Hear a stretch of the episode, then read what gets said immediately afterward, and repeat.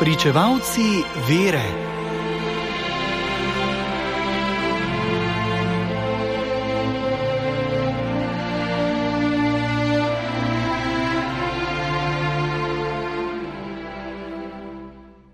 Danes goduje sveti Peter Damjani, crkveni učitelj začetka 11. stoletja. Rodil se je leta 1007 v Raveni, v revni družini z mnogimi otroki kot najmlajši. Uboga mati se ga je hotela znebiti in mu je odrekla hrano, na prigovarjanje pa ga je le oddojila. Kot majhnega otroka ga je vzel k sebi eden od starejših bratov, ki je z njim zelo slabo ravnal. Za revno hrano mu je moral pasti svinje. Potem se ga je spomnil brat Damjan, ki je bil mestni župnik v Raveni. Iz hvaležnosti, da mu je omogočil šolanje, se je Peter poslej privzel še bratovo ime in se podpisoval kot Peter Damjani ali Damjanov Peter. Bil je tako bister, da je kmalo ustanovil svojo lastno šolo, kar mu je prinašalo lepe dohodke. Iz skrbi, da ga ne bi premamile strasti in posvetni Miki, se je leta 1035 umaknil v samostan Fonte Avelana v Umbriji, kjer so menihi živeli kot puščavniki po pravilih svetega Benedikta. Peter je sprva pretiraval v strogosti do samega sebe, tako da si je pokvaril zdravje. Na to je izbral zlato srednjo pot in po njej vodil tudi druge menihe, potem ko je postal predstojnik samostana. Iz tega samostana je odhajal tudi v druge samostane in jih prenavljal. Ob tem prenovitvenem delu je zorel za širšo prenovo cerkve.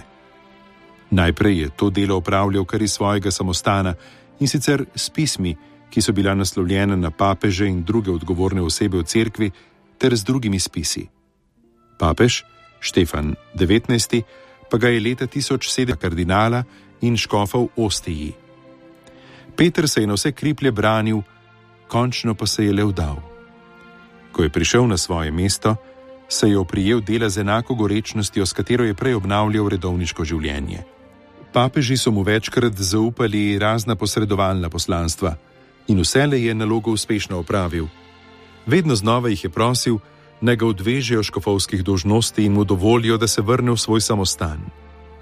Papež Aleksandr je okoli leta 1065 njegovo prošnjo uslišal, še vedno pa mu je zaupal važna opravila. Zadnje tako opravilo je bilo, da je šel v svoje rojstno mesto Ravena in ga v papeževem imenu odvezal iz občenja, kateremu je zapadlo zaradi svojega upornega škofa. Ko se je vračal iz Ravene, ga je v Fajnci napadla mrzlica in v noči na 23. februar 1072 je v tamkajšnjem samostanu izdihnil svojo dušo. Papež Leon XII. ga je prištel med crkvene učitelje. Sveti Peter Damjani je zapustil veliko pomembnih del: spise apologetične in dogmatične vsebine, asketične, pravne in crkveno-politične spise, ogromno pisem iz pridik, precej pesnitev in molitev. Upodabljajo ga s knjigami, bičem, križem in mrtvaško glavo.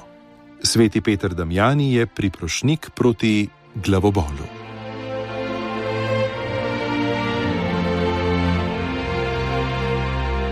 Brali smo iz knjige Svetnik za vsak dan, ki jo je napisal Silvestr Čuk.